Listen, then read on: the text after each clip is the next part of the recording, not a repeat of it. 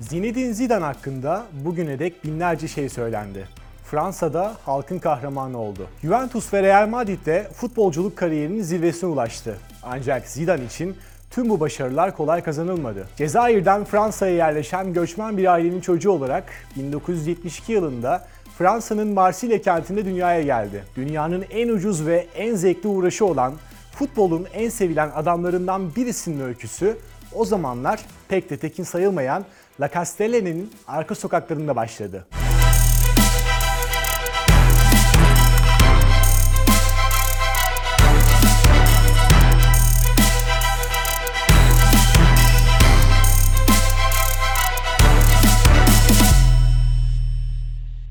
Zidane, Observer dergisine verdiği demeçte her gün nereden geldiğimi düşünüyorum. Ve halen kendi kimliğimle gurur duyuyorum. İlk önce La Castellane sitesinden bir kabilim. Sonra Marsilya'dan bir Cezayirli.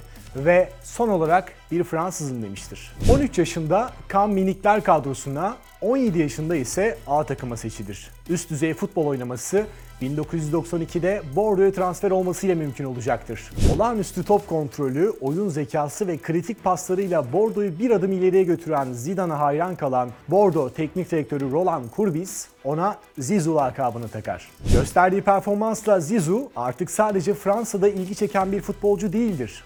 İtalyan devi Juventus'un radarına takılır ve 1996'da Torino'nun yolunu tutar. Zidane'lı Juventus altın yıllarını yaşar ve 3 yıl içinde uluslararası kupalarda dahi olmak üzere tam 5 şampiyonluk kazanırlar.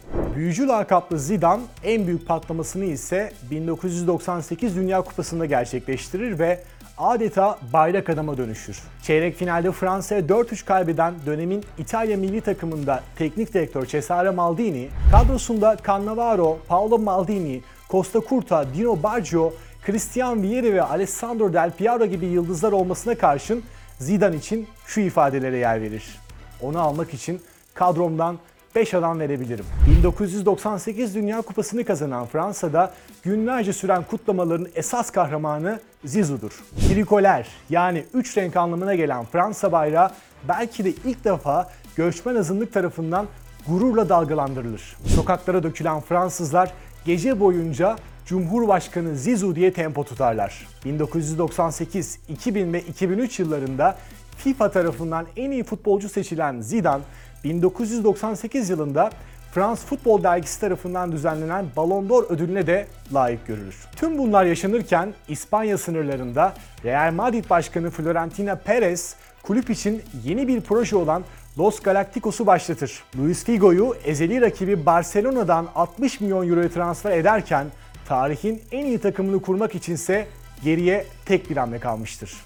Zinedine Zidane. 20 sene öncesinde Florentino Perez Real Madrid'i Los Galacticos'a dönüştürürken Monte Carlo'daki Şampiyonlar Ligi gala gecesinde Zidane'a peçete üzerinde Real Madrid'de oynamak ister misin yazılı bir not gönderir. Sıra dışı olan bu teklif Zidane'ın Perez'e evet demesiyle sonuçlanacaktır. Tarihler 2001 yılını gösterdiğinde büyücü Real Madrid'e 77 milyon 500 bin euro bonservis ücretiyle transfer olarak dönemin en pahalı oyuncusu ünvanını da eline alır.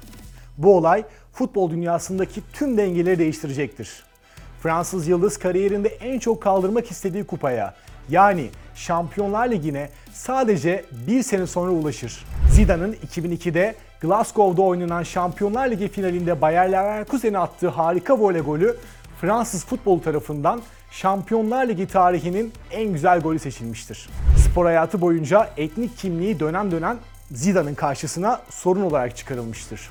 2004 yılında ilk defa Cezayir karşısında bir milli maçta forma giyecek olan Zizou, aslı olan topraklardan ölüm tehditleri dahi almıştır. Tribünlerde Zidane Harki yazan pankartlar açılır. Harkiler Cezayir Bağımsızlık Savaşı'nda Fransızların yanında savaştıkları için hain olarak kabul edilirler. Zidane bunun üzerine defalarca söyledim.